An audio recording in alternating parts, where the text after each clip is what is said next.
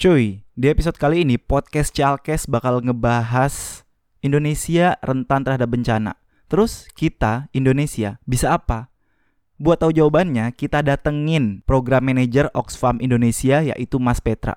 Lu bisa cari info lebih lanjut tentang Oxfam Internasional di www.oxfam.org atau lihat aja link di deskripsi. Episodenya panjang sih, tapi ini penuh manfaat dan eye-opening banget buat kita pemuda Indonesia. Gimana ceritanya tuh? Langsung dengerin. Ayo musik dulu.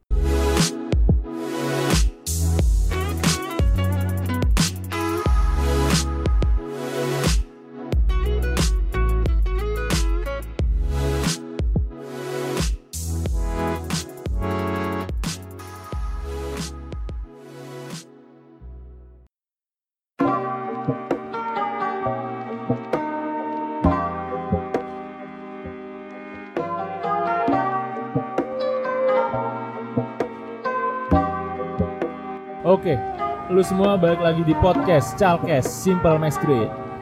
Ya, kali ini podcast Chalkes bareng gua Muhammad Yedi dan kebetulan hari ini gua sendiri, tapi nggak bareng Kopong, tapi bareng sama mas mas lainnya. Kali ini mau bahas masalah bencana. Lagi-lagi masalah bencana karena ya sekarang memang lagi urgensinya tinggi banget bencana. Seperti yang udah kita tahu nih, 2018 Indonesia diterpa bencana banyak banget dan ini menjadikan kesadaran buat podcast Salkes buat ngebahas bencana lebih dalam lagi dan membawa ahli yang emang udah berkecimpung di masalah kebencanaan ini yang udah lama banget. Nah, gue pengen bahas tentang review bencana. Lalu ada tupoksi dari empat lembaga pemerintah, yaitu BNPB, BMKG, uh, Badan Geologi dan juga Basarnas. Terus ada yang paling parahnya lagi adalah korupsi dana bencana. Itu juga bakal dibahas. Dan yang terakhir adalah peran geologi untuk kebencanaan di negara Indonesia. Oke, langsung aja. Uh, gimana Mas? Kali ini bareng sama Mas siapa nih? Saya Petra, berkecimpung di dunia bencana kebetulan karena ini lagi rame-ramenya. Padahal sebenarnya ini sudah lama rame uh, soal bencana ini. Saya sejak tahun 2004 gitu saat tsunami Aceh, kemudian sampai sekarang itu masalahnya bangsa Indonesia itu suka lupa ketika ada bencana besar baru semuanya kembali lagi mengingatkan dan ribut uh, dan ini yang menjadi semangat kami sebenarnya supaya semakin banyak lagi anak-anak muda, anak-anak perkotaan, anak-anak perdesaan yang tertarik dengan bencana ke depannya. Saya kebetulan alumni Teknik Geologi UPN tahun 2000 gitu. Setelah lulus tahun 2005, saya langsung berkecimpung di urusan bencana. Waktu itu awal pertama kali saya bicara bencana itu saat tsunami Aceh. Jadi apa yang terjadi di masa lalu itu sama dengan apa yang uh, euforia yang terjadi sekarang ketika bicara soal bencana gitu. Ada fakta bahwa ada kemunduran dan ada juga kemajuan yang menurut saya ya. Nah, kebetulan saya bekerja di Oxfam. Oxfam itu salah satu lembaga internasional yang bekerja di tiga bidang. Pertama di keadilan ekonomi kemudian keadilan gender dan uh, humanitarian. Nah saya di bagian divisi humanitarian di mana di divisi ini ada dua bidang. Satu building resilient yang bicara soal bagaimana manajemen resiko bencana itu dilakukan di level pemerintah di level daerah sampai di nasional sampai level masyarakat.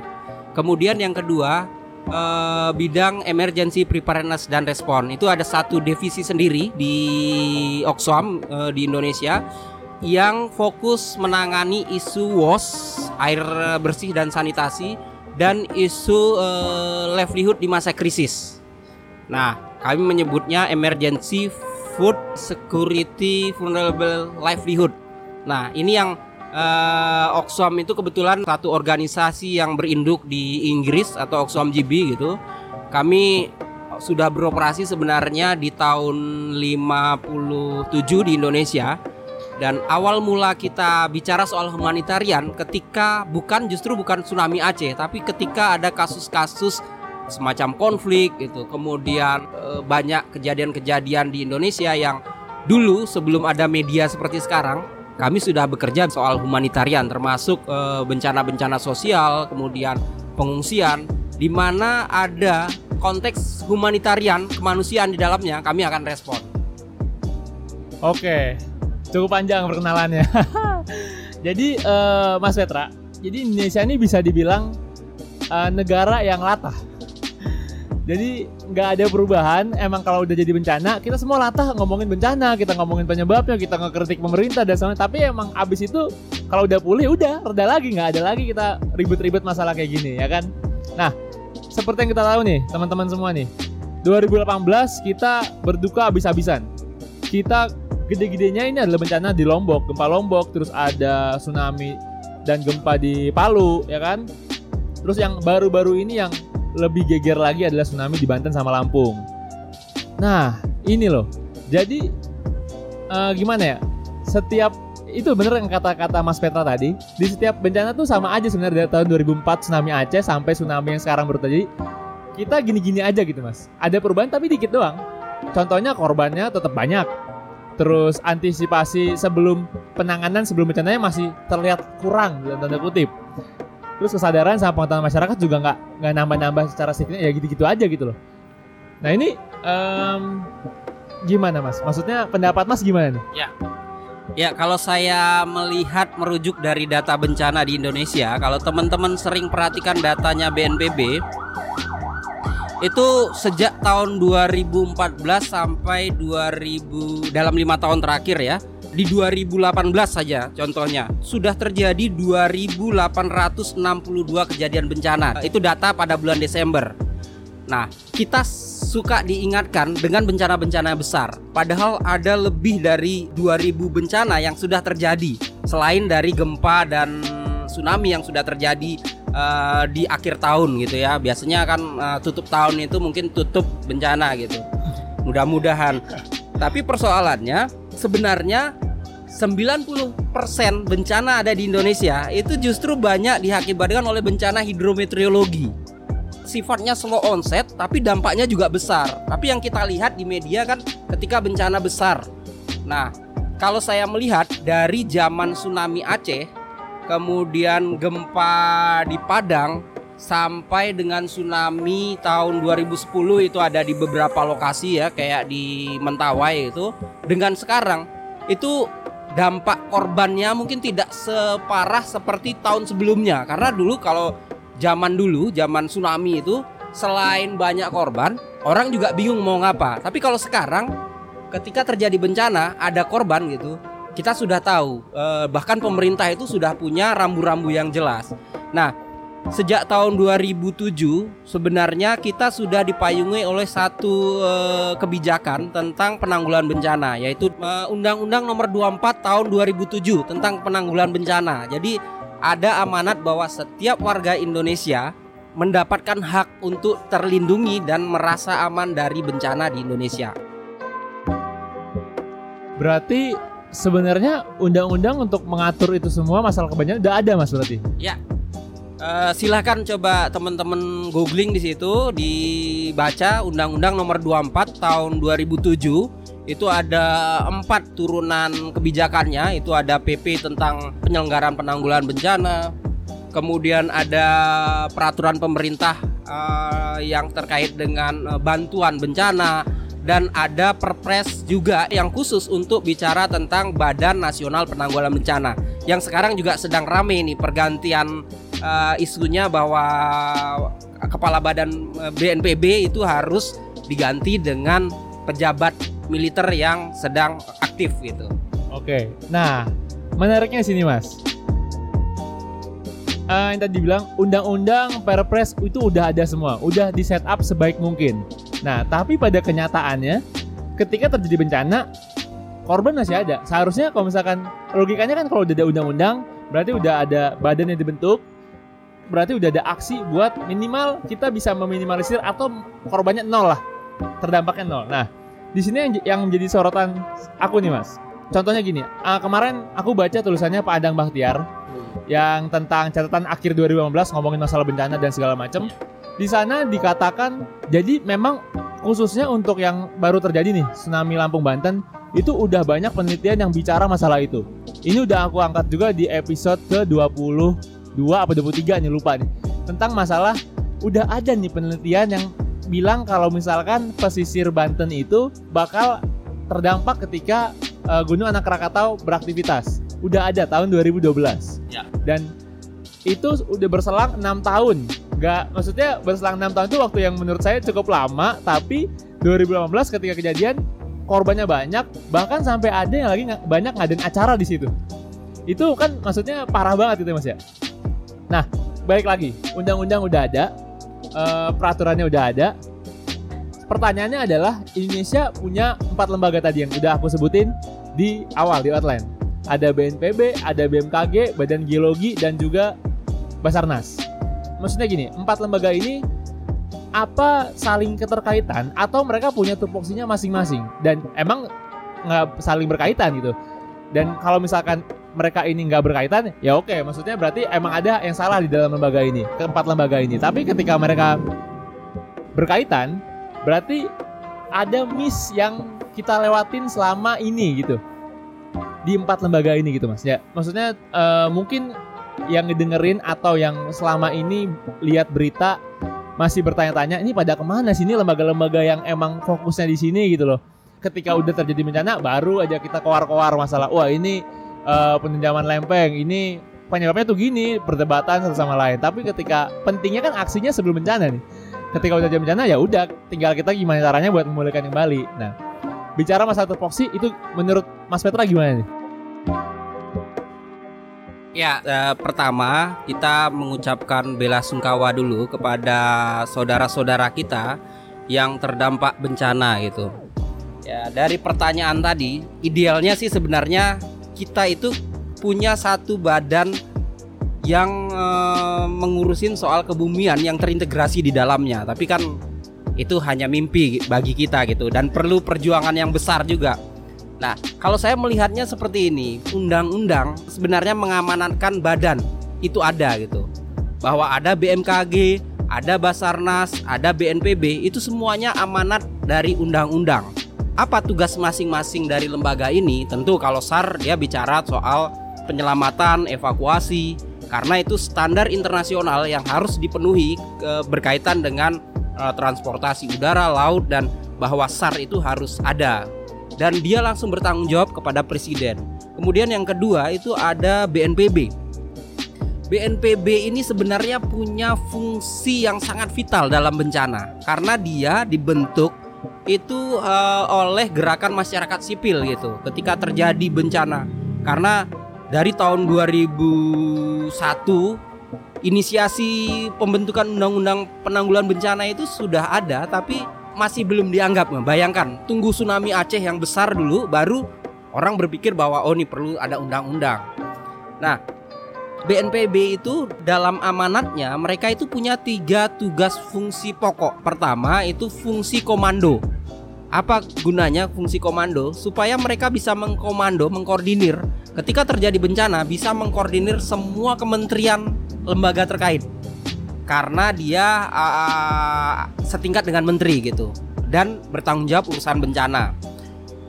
Kemudian yang kedua fungsi uh, koordinasi. Fungsi koordinasi ini fungsinya ketika saat sebelum terjadi bencana BNPB itu harus memastikan bahwa penyelenggaraan penanggulangan bencana itu harus terintegrasi di semua kementerian lembaga. berarti intinya BNPB ini yang mengkoordinir seharusnya Iya, harusnya. pra eventnya bencana ini mas Iya. Jadi sebelum bencana itu BNPB fungsinya memastikan bahwa perencanaan pembangunan dan perencanaan program-program di semua kementerian lembaga itu minimal responsif terhadap penanggulangan bencana. Contohnya adanya dana siap pakai gitu. Kemudian eh, upaya-upaya PRB pengurangan risiko bencana, kesiapsiagaan, pencegahan, peringatan dini. Nah, dan yang ketiga itu BNPB juga punya fungsi sebagai pelaksana. Nah, selain dia mengkoordinir, kemudian mengkomando, dia juga harus melaksanakan kegiatan penanggulangan bencana di Indonesia. Nah, sampai di level provinsi dan daerah, amanat undang-undang itu menyampaikan bahwa untuk kepala BNPB itu harus dipegang oleh sekda.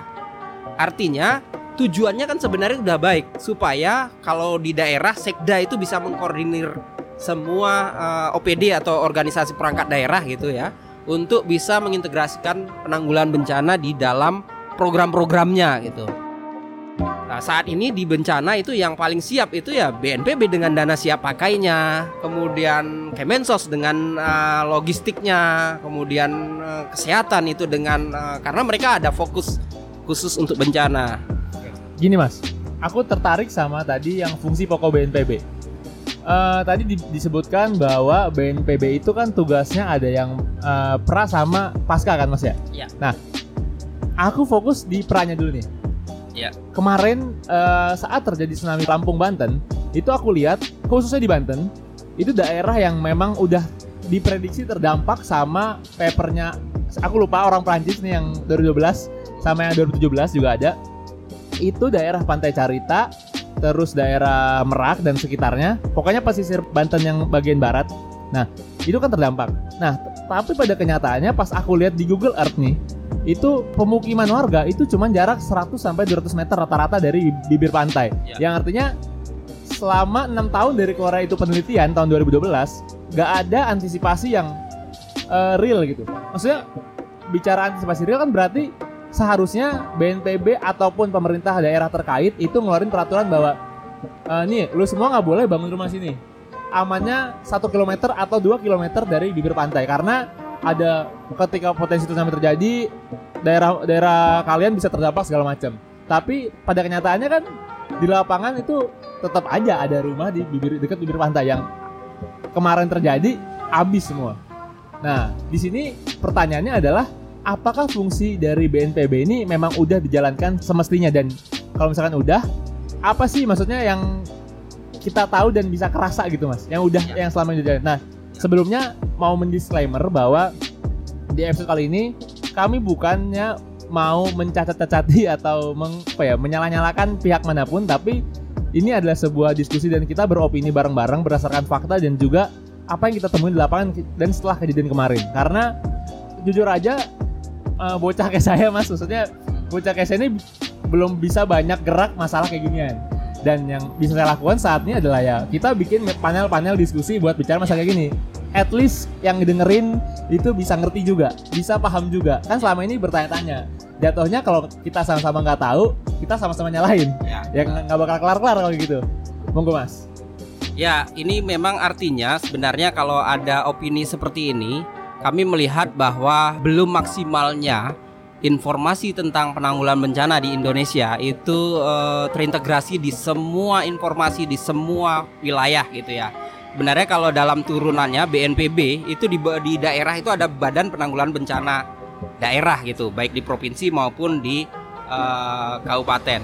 Nah, Kenapa eh, tadi persoalannya ketika banyak rumah yang didirikan di sana bisa jadi rumah itu didirikan atau pemukiman itu sudah ada jauh sebelum ada kebijakan ini atau mungkin eh, masyarakat di sana sudah apalagi dengan pertumbuhan penduduk yang Nah, itu kenapa dasar BNPB ini dibangun ketika sebelum tahun 2004 itu terjadi perubahan paradigma dalam penanggulangan bencana. Jadi penanggulangan bencana kalau dulu dilihat secara reaktif, jadi ada bencana direspon, kemudian dipulihkan. Nah, kita tidak pernah berpikir resiko.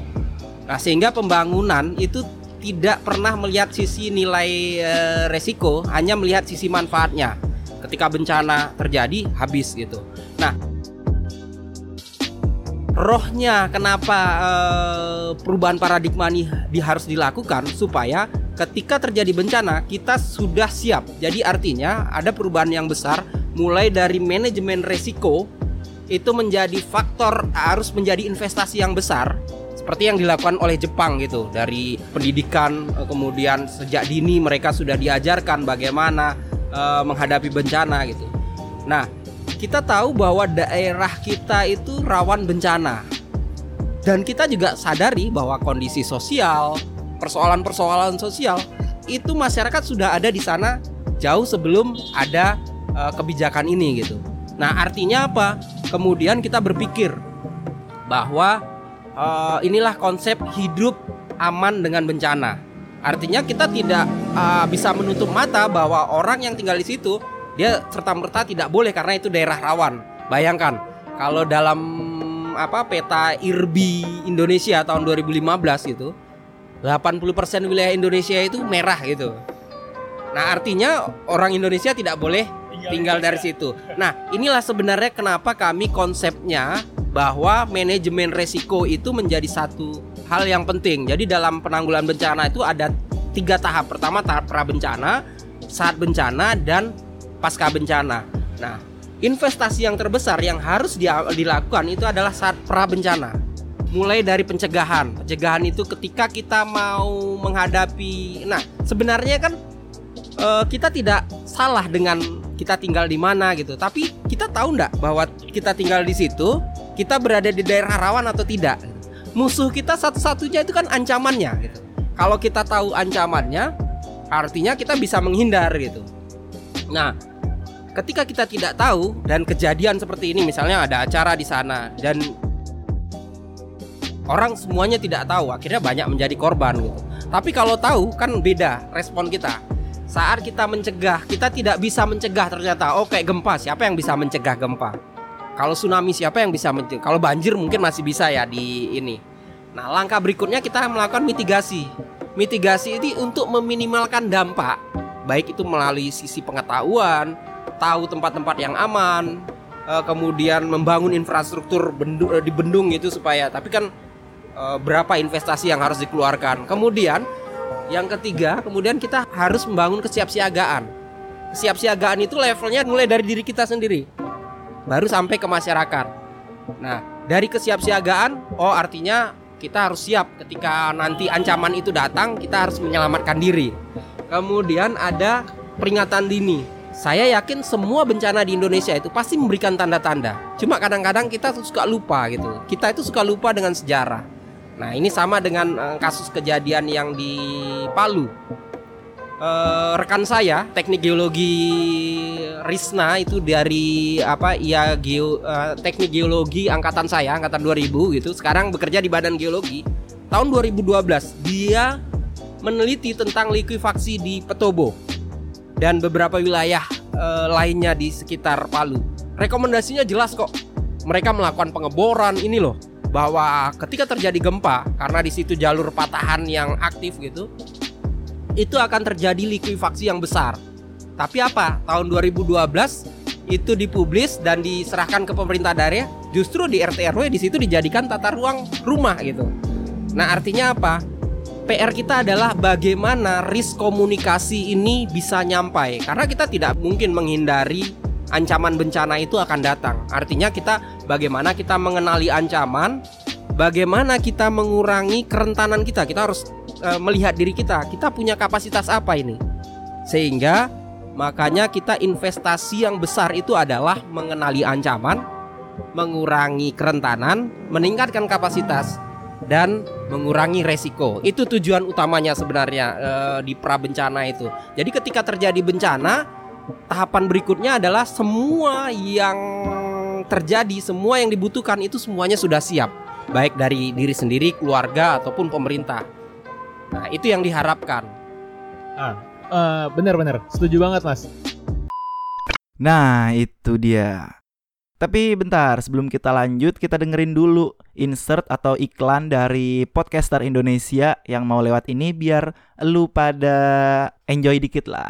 Karena pembahasan mulai berat nih. Oke, dengerin dulu yuk.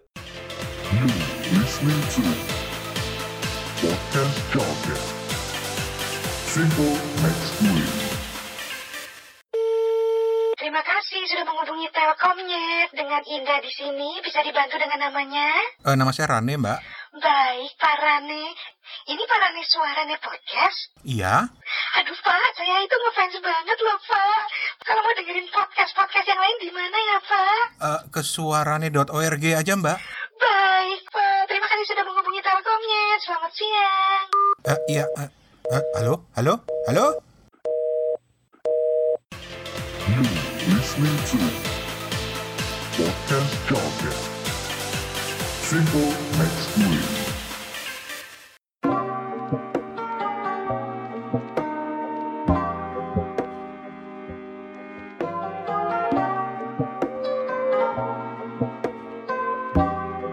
terkait gini terkait uh, tadi yang pembangunan uh, aku pernah ngobrol sama teman sama teman yang memang dia itu kuliahnya fokus ke tata kota uh, perencanaan wilayah dan kota aku ngobrol gini, eh gue bingung kenapa di Indonesia itu masih aja orang eh, dengan gampangnya membangun di daerah-daerah yang berpotensi bencana.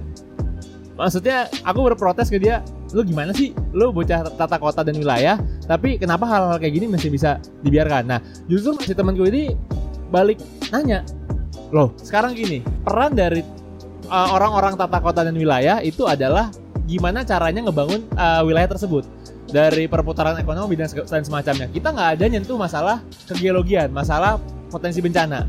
Nah, berarti kan ini sebuah alarm, sebuah uh, alarm buat kita yang orang-orang geologi, orang-orang berkecimpung di kebumian.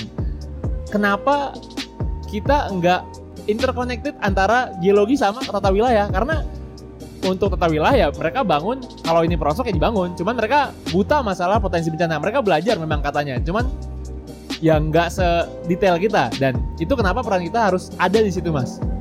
Nah ini nyambung ke pembahasan bahwa sebenarnya butuh nggak sih di setiap daerah di Indonesia itu ada tim geologinya? Kalau menurut aku ya jelas butuh banget. Karena nggak cuma itu. Nanti kita bahas ini di segmen lain. Nah balik lagi ke empat lembaga ini mas ke BM, BMKG, BNPB, Badan Geologi dan Basarnas. Oke, gimana mas? Ya, tadi kan kita bicara BNPB ya yang paling punya tupoksi sebenarnya. Nah, ini bi- bicara soal Basarnas tadi saya sudah sampaikan bahwa sesuai tugasnya mereka evakuasi SAR gitu, penyelamatan gitu. Kemudian yang dua ini yang menarik yang jadi sentral ini ketika bicara kalau tadi bicara soal bencana 2800 bencana kejadian bencana 90% itu adalah bencana hidrometeorologi. Nah, informasi terkait dengan potensi-potensi bencana yang 2800 ini itu sebenarnya pusatnya ada di BMKG. Nah, tapi ada juga informasi itu dipegang oleh Badan Geologi. BMKG itu punya mandat itu bagaimana dia eh, satu kan ada bagian meteorologi, satu ada bagian apa? Eh, klimatologi eh, dan geofisika. Nah, geofisika itu yang bertugas untuk memantau bagaimana potensi-potensi gempa gitu ya. Karena catatan gempa itu kan ada di B- BMKG. Nah, kalau kita belajar dari sejarah di Palu itu ya. Data BMKG itu sudah menyebutkan lebih dari 10 kali kejadian gempa besar di sana.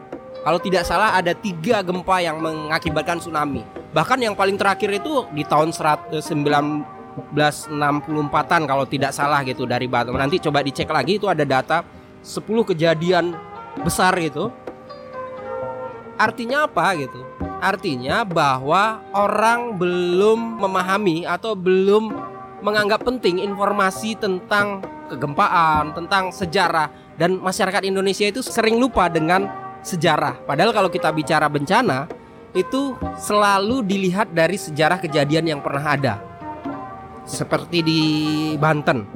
Kita tahu tsunami yang terjadi di Banten dan di Lampung belum pernah eh, ada catatan eh, yang menunjukkan bahwa kejadian gempa eh apa tsunami di sana itu karena akibat gempa gitu. Lebih banyak catatannya karena letusan gunung api. Artinya, ketika ada erupsi di ini, apa yang harus dilihat? Apa yang harus Nah, itu masyarakat harusnya harus mulai ini sekarang karena informasi di BMKG, di eh, apa Badan Geologi itu cukup sangat misalnya keaktifan gunung api itu di eh, webnya Badan Geologi itu pusat vulkanologi dan mitigasi bencana geologi itu selalu terpantau dan terupdate gitu. Nah kita harus sering-sering melihat bahkan di aplikasinya sudah ada gitu. Nah yang membedakan di antara Badan Geologi dengan BMKG ini, Badan Geologi ini kan dia masih di bawah SDM. Jadi tidak punya otoritas, dia tidak langsung bertanggung jawab ke presiden. Nah, sementara SDM itu fungsi cakupannya luas tentang sumber daya alam. Sehingga Badan Geologi sebenarnya itu harusnya ditarik dari SDM dan dia harus berdiri sendiri. Artinya BNPB, BMKG itu harus berkoordinasi bersama. Badan Geologi itu yang mensupport riset dan data, BMKG data, kemudian BNPB yang mempublikasi bersama gitu. Jadi harus ada kolaborasi itu. Tapi yang sekarang terjadi ego sektoral kementerian lembaga di Indonesia itu cukup tinggi. Ini yang menjadi penghambat sebenarnya sehingga nah ini peranku ya ini yang kulakukan. Kayak kemarin yang terjadi. Eh, BMKG mungkin tidak melihat bahwa ada potensi tsunami karena yang memantau gunung api itu PVMBG di bawah Badan Geologi. Nah, sementara PVMBG itu melihatnya masih pada status kondisi seperti gunung api pada umumnya.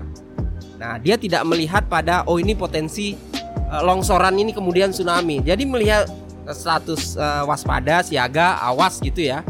Nah, dia masih memperlakukan sama. Padahal di situ tidak ada pemukiman yang aruh awas orang mengungsi gitu. Artinya hal-hal gini ini jadi tupoksi siapa? Akhirnya kan ini entah BMKG atau Badan Geologi. Padahal kalau di gunung api itu ranahnya Badan eh, Badan Geologi di bawah PVMBG.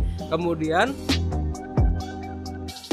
kalau untuk tsunami-nya gitu itu di bawah BMKG. Sementara tsunami yang terjadi itu karena longsoran gunung api anak Krakatau.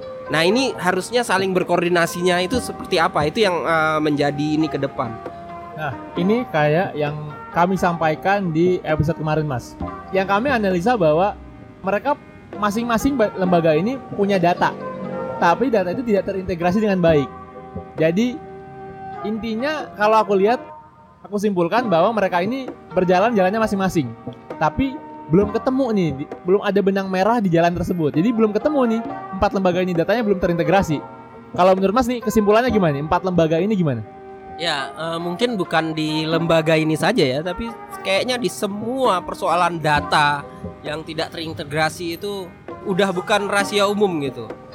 Artinya sebenarnya kita butuh membangun satu sistem data yang terintegrasi ini. BNPB itu sudah menginisiasi yang fokus bencana. Kalau di BNPB ada namanya Data Bencana Indonesia atau DB di webnya. Itu merekam semua kejadian bencana yang pernah terjadi gitu. Di mana, kapan, berapa eh, korbannya. Nah, tapi ini tidak ada di BMKG. Artinya mereka harus bekerja sama bagaimana data kebencanaan ini menjadi satu sistem data bersama yang bisa diakses oleh banyak orang gitu. Karena ya mungkin setiap lembaga, setiap kementerian, setiap eh, badan itu punya data sendiri, punya ini sendiri, analisis sendiri dan punya cara sendiri sehingga data-data yang harusnya itu dipublikasikan ah, ini kembali lagi ke urusan mandat dan tupoksinya apakah boleh data ini di-share atau tidak. Padahal kan data ini harusnya di era sekarang itu harus open gitu ya. Kadang-kadang kita butuh data tapi kita kayak di BMKG, kita tidak bisa mendapatkan data curah hujan harian. Padahal masyarakat level bawah itu sangat membutuhkan data seperti itu gitu. Tapi ketika kita minta itu ya paling dapat yang bulanan, tahunan gitu. Tapi kalau diminta yang harian itu itu akan susah, prosesnya akan panjang. Nah, ini kembali lagi ke prosedur eh, di setiap lembaga itu berbeda. Mungkin ke depan kayak kebijakan inilah one map gitu. Harusnya one data gitu. Mantap, mantap. Oke, eh itu masalah keempat lembaga tadi yang menjadi bulan-bulanan oleh masyarakat, Mas. Dan ini kalau misalkan kita masih berpikiran yang macam-macam nih, dengerin dari podcast nih. Kita bener-bener ngebuka dari sudut pandang kita empat lembaga ini seperti apa gitu. Nah, kita lompat nih Mas ke kasus yang sekarang ini eh, lagi hype-hype-nya nih. Masalah korupsi dana bencana. Ini kurang ajar banget nih Mas sampai itu Iwan Fals nge-tweet kalau eh, nge-tweet di Twitter nih kalau misalkan eh, pelaku korupsi dana bencana ini sebaiknya dihukum mati. Nah, ini aku sempat nyari-nyari beberapa korupsi dana bencana yang ini sedikit doang, tapi pastinya kalau dicari banyak itu banyak banget korupsinya. Itu ada beberapa yang aku cari. Itu ada korupsi dana rehabilitasi sekolah di Lombok tahun 2018 baru-baru ini. Dana rehabilitasi sekolah mas dikorupsi, buset, parah banget. Terus ada lagi korupsi proyek pembangunan tempat penampungan korban atau shelter tsunami itu di Pandeglang Banten 2014. Ini sebenarnya harusnya sekarang ini kita udah ada shelternya nih mas, tapi dikorupsi. Sekarang malah jadi tempat mesum. Parah banget nih. Nah yang terakhir itu pungli proses pengembalian jenazah korban tsunami Banten 2018. Nah ini orang-orang yang begini kan maksudnya nggak ada rasa manusiawinya banget ini mas. Ya. Masalah korupsi ko- dana bencana dikorupsiin parah banget itu. Dan yang jadi pertanyaannya, apa pemerintah ataupun lembaga-lembaga terkait ataupun eh, segala macam yang berkecimpung di sini itu punya peraturan atau rule of the game dari pengaturan dana bencana ini gak sih mas? Karena bisa sampai di korupsi segini kan maksudnya kacau banget nih. Monggo mas gimana? Ya, eh, soal korupsi dana bencana ini kaitannya dengan humanitarian accountability gitu. Jadi kalau dilihat dari kasus-kasus tadi yang disampaikan, ini kan sebenarnya eh, dana-dana yang dialokasikan itu justru di saat prabencana. Nah, ini menunjukkan bahwa oknum mungkin ya kita bicara oknum gitu yang melakukan penggelapan dana dia tidak sadar bahwa bencana itu tidak akan terjadi gitu. Nah, artinya harus dimulai dari merubah cara pandang gitu. Kasus-kasus yang terjadi yang paling rentan itu memang dana-dana pembangunan gitu, prabencana dan masa-masa rehabilitasi rekonstruksi. Karena di situ kan ada permainan ya yang kemungkinan kalau tidak diawasi itu akan eh, bisa berpotensi.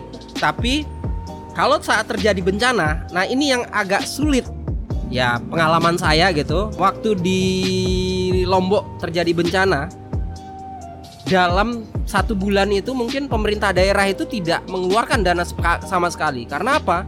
Mereka tidak punya dana siap pakai dana cadangan dana kontingensi dana yang saat terjadi bencana itu bisa digunakan. Karena apa? Karena ya untuk mengeluarkan dana itu butuh proses penganggaran kemudian mereka takut diaudit BPK kalau tidak sesuai dengan penggunaannya kalau menggunakan dana yang bukan posnya. Nah, justru saat terjadi bencana itu banyak dana-dana yang masuk itu bantuan-bantuan yang masuk justru dia kayak dari lembaga-lembaga INGO, NGO, lembaga-lembaga keagamaan, sumbangan masyarakat, kemudian dana-dana yang apa sifatnya itu fun gitu ya. Tidak harus ada pertanggungjawaban. Karena kalau teman-teman tahu ya, Indonesia itu adalah negara nomor dua dermawan di dunia. Justru yang berpotensi dikorupsi ketika terjadi bencana itu adalah dana-dana yang sumbangan ini. Misalnya, saya nyumbang seribu, tapi ketika ada kasus dana yang di apa dana sumbangan itu kemudian dikorupsi, ya siapa yang mau menuntut? Karena saya nyumbang seribu, ngapain saya menuntut cuma seribu? Tapi kalau jutaan masyarakat Indonesia tergerak untuk menyumbang seribu, berapa miliar dana itu gitu? Pemikirannya kayak ya udahlah seribu doang gitu, nggak jadi masalah kalau dikorupsiin gitu ya mas ya. Ya, nah itu yang menjadi konsen saya sejak dua tahun lalu itu bersama Kementerian Sosial melalui Direktorat Pemberdayaan Sosialnya bersama-sama kita banyak kasus ya eh, sekarang terjadi ketika terjadi bencana penggalangan dana itu besar-besaran terjadi. Yang harus kita pahami saat ada penggalangan dana dan dana itu terkumpul itu ada hak-hak penerima manfaat dan hak-hak pendonor. Pendonor itu siapa ya? Kita yang menyumbang gitu. Penerima manfaat itu siapa? Orang yang terdampak bencana.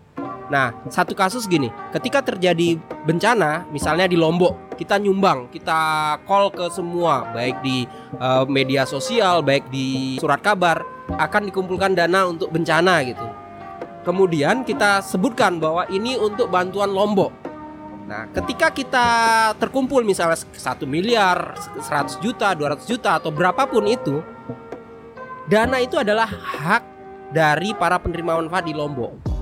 Nah, kayak kasus kemarin ketika Lombok baru terkena bencana tiba-tiba Palu. Kita tidak serta-merta bisa menggunakan dana yang kita kumpulkan dari Lombok itu untuk dibawa langsung ke Palu. Karena itu udah menyalahi prinsip akuntabilitas. Jadi kalau kita mau menyumbang e, memberikan bantuan itu harus sesuai dengan tujuannya. Nah, saat ini eh, kalau misalnya kita mau membantu saudara-saudara kita yang di Palu, ya kita harus menggalang dana ya untuk Palu gitu. Jadi peruntukannya harus sesuai dengan tujuannya.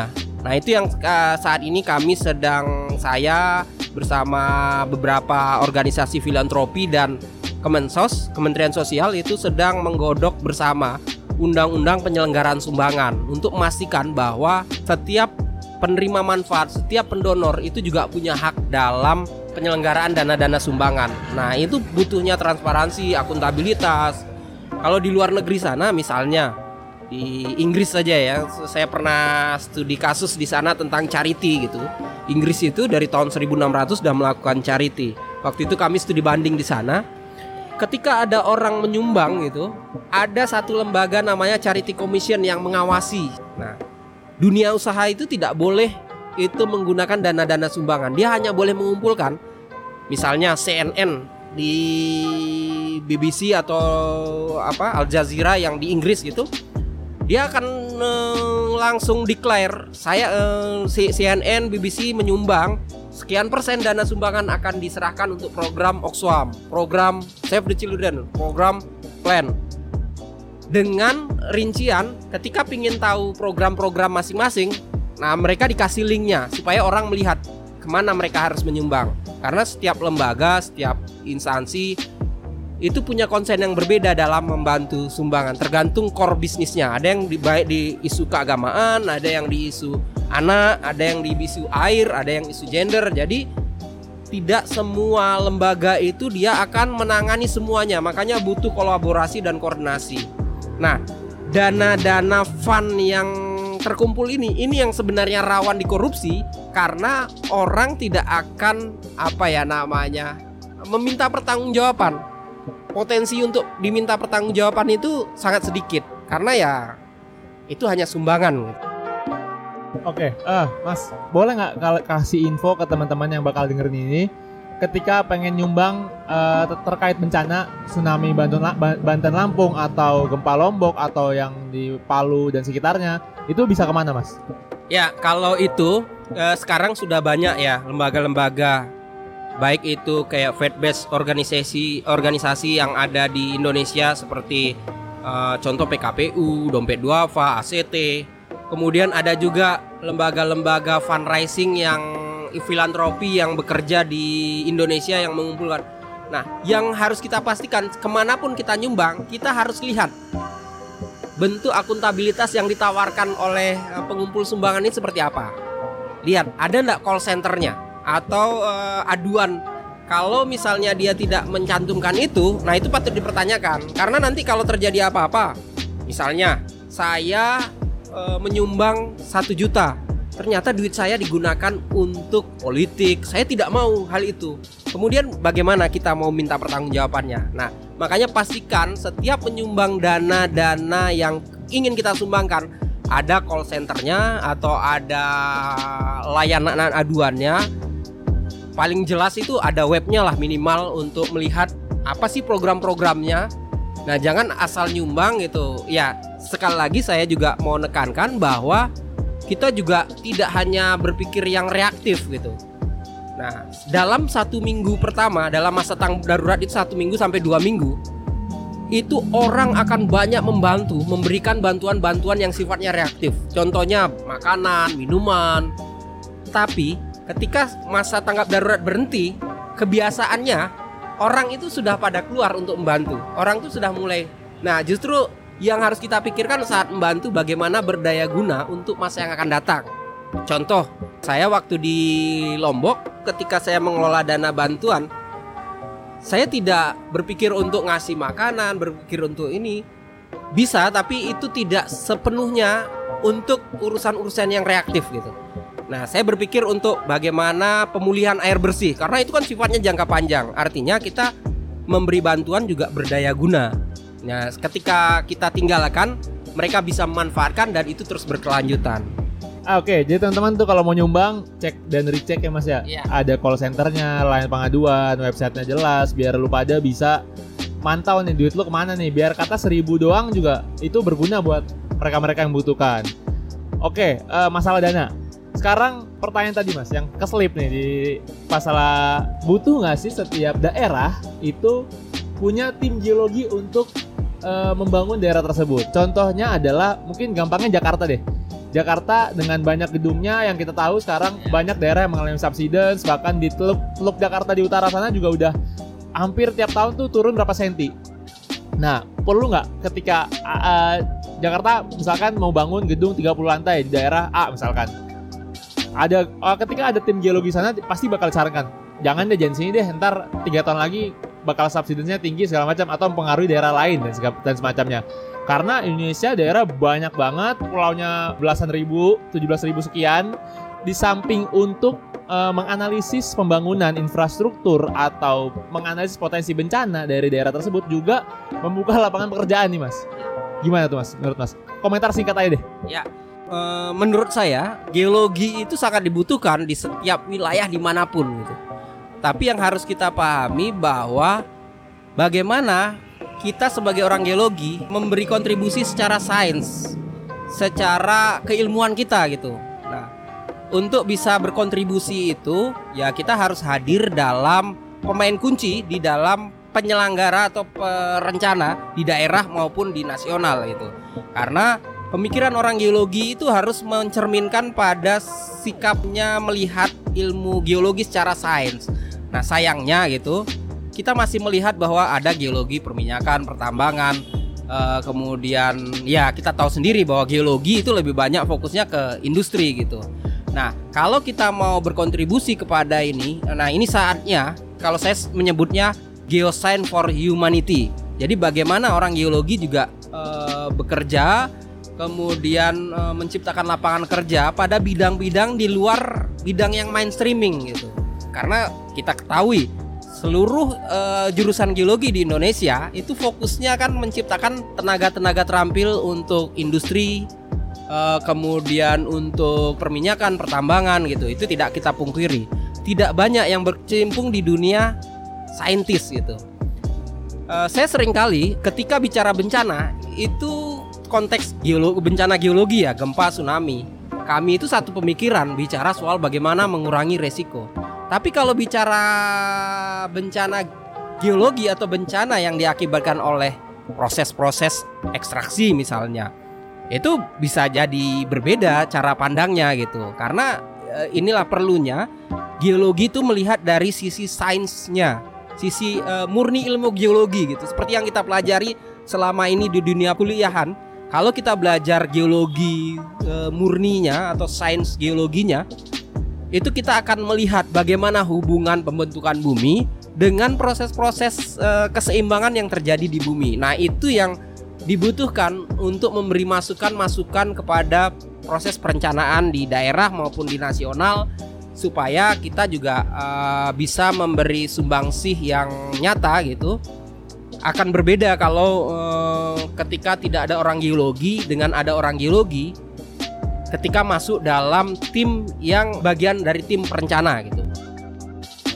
Oke, eh, ini mungkin yang terakhir mas bahasannya. Mayoritas pendengar dari podcast Chalkes adalah remaja nih. Dari remaja beneran sampai remaja tanggung. Mayoritas usia 18 sampai 24 tahun, mungkin 30 tahun juga ada, sampai 60 tahun juga ada, tapi mayoritas adalah remaja. Dan ketika udah kayak gini, eh, nggak mungkin kita terus-terusan mengkritisi, nggak mungkin kita terus-terusan lihat ke belakang. Tapi kita harus juga visioner nanti depannya harus ngapain. Nah, eh, sebagai anak muda nih mas, generasi milenial sekarang, kita bisa ngelakuin apa sih mas? Untuk minimal kita itu berkontribusi masalah kebencanaan ini deh, yang kaitannya dengan kemanusiaan. Untuk spesialis anak-anak muda nih. Ya, yang pertama itu kita eh, ya ini sa- satu pesan yang selalu kami bawa gitu dari zaman tsunami Aceh sampai sekarang. Pertama, anak-anak muda itu harus belajar dengan sejarah. Sejarah minimal sejarah kejadian bencana yang pernah terjadi di wilayahnya. Karena itu kunci kita untuk mengetahui apakah kita berada di daerah aman atau tidak gitu. Nah, kemudian yang kedua, kita harus mengenali ancaman-ancaman di mana pun kita berada. Karena musuh kita itu ketika bencana itu hanya ancaman itu. Kemudian kita lihat, kita punya kapasitas atau punya kerentanan. Nah, kalau kita punya kerentanan, lihat bisa ndak kerentanan itu merespon ancaman itu. Kalau misalnya kita bisa, nah itu yang kita tingkatkan dan kita harus menularkan itu kepada banyak orang di sekitar kita untuk sama-sama mencari tahu mengenali ancaman-ancaman yang ada di sekitar kita. Nah, saya eh, ibaratkan gini ya, kalau teman-teman eh, naik sepeda motor gitu, kalau teman-teman tahu bahwa teman-teman tidak menggunakan helm akan ditilang, berarti ketika di jalan melihat polisi itu kan dianggap sebagai ancaman gitu. Karena tidak bawa helm, bawa ini. Artinya apa? Ya gitu juga kita melihat ancaman di sekitar kita gitu. Nah, sehingga kita tahu supaya kita di- tidak ditilang, pertama kita harus pakai helm, bawa surat-surat gitu. Nah, itu bagian dari kapasitas yang harus kita miliki. Nah, cuma bedanya kalau ancaman itu ancaman yang nyata kayak gempa, tsunami, longsor, lihatlah sejarahnya, tanda-tandanya seperti apa. Di situlah kita baru bisa melihat kapasitas yang ada di dalam diri kita dan bagaimana kita bisa merespon atau tidak. Nah, semakin banyak anak-anak muda yang menularkan itu kepada banyak orang gitu. eh, saya dari tahun 2005 sampai sekarang itu yang saya selalu lakukan, tapi tidak banyak orang melakukan itu. Ya, saya mengajak anak-anak muda untuk bisa memberitahu di sekitarnya, kemudian bisa mengajak orang untuk sama-sama mari kita kurangi resiko dengan mengenali ancamannya. Intinya pesannya pertama eh, jangan lupain sejarah Iya. sama kayak Bung Karno lah, jas merah nih Mas. Jas merah. Dan juga kita harus keluar dari zona nyaman. Itu Iya. sama kayak kata apa lagunya 420. keluar dari zona nyaman. Oke, eh, segitu aja mungkin eh, opini podcast Chalkes dan juga sama Mas Petra tentang bencana yang terjadi dan visioner kita ke depannya mesti ngapain sini. Terima kasih banyak Mas atas waktu luangnya ini udah menjadi tamu di podcast Chalkes. Eh, Terima kasih banyak sekali dan juga terima kasih juga buat teman-teman yang udah ngefollow atau ngikutin di Instagram podcast Chalkes udah seribu nih Mas. Dikit lagi di bisa swipe up 9000 lagi nih. Terus dengerin podcast Chalkes buat update-update selanjutnya tentang kegeologiaan dan lain-lain hal dengan tentang current isu dan lain-lain. Semoga kita semua bisa berguna dan bermanfaat bagi orang-orang banyak. Dengerin terus podcast Chalkes. Eh, gua Muhammad Edi. Terima kasih. Assalamualaikum warahmatullahi wabarakatuh.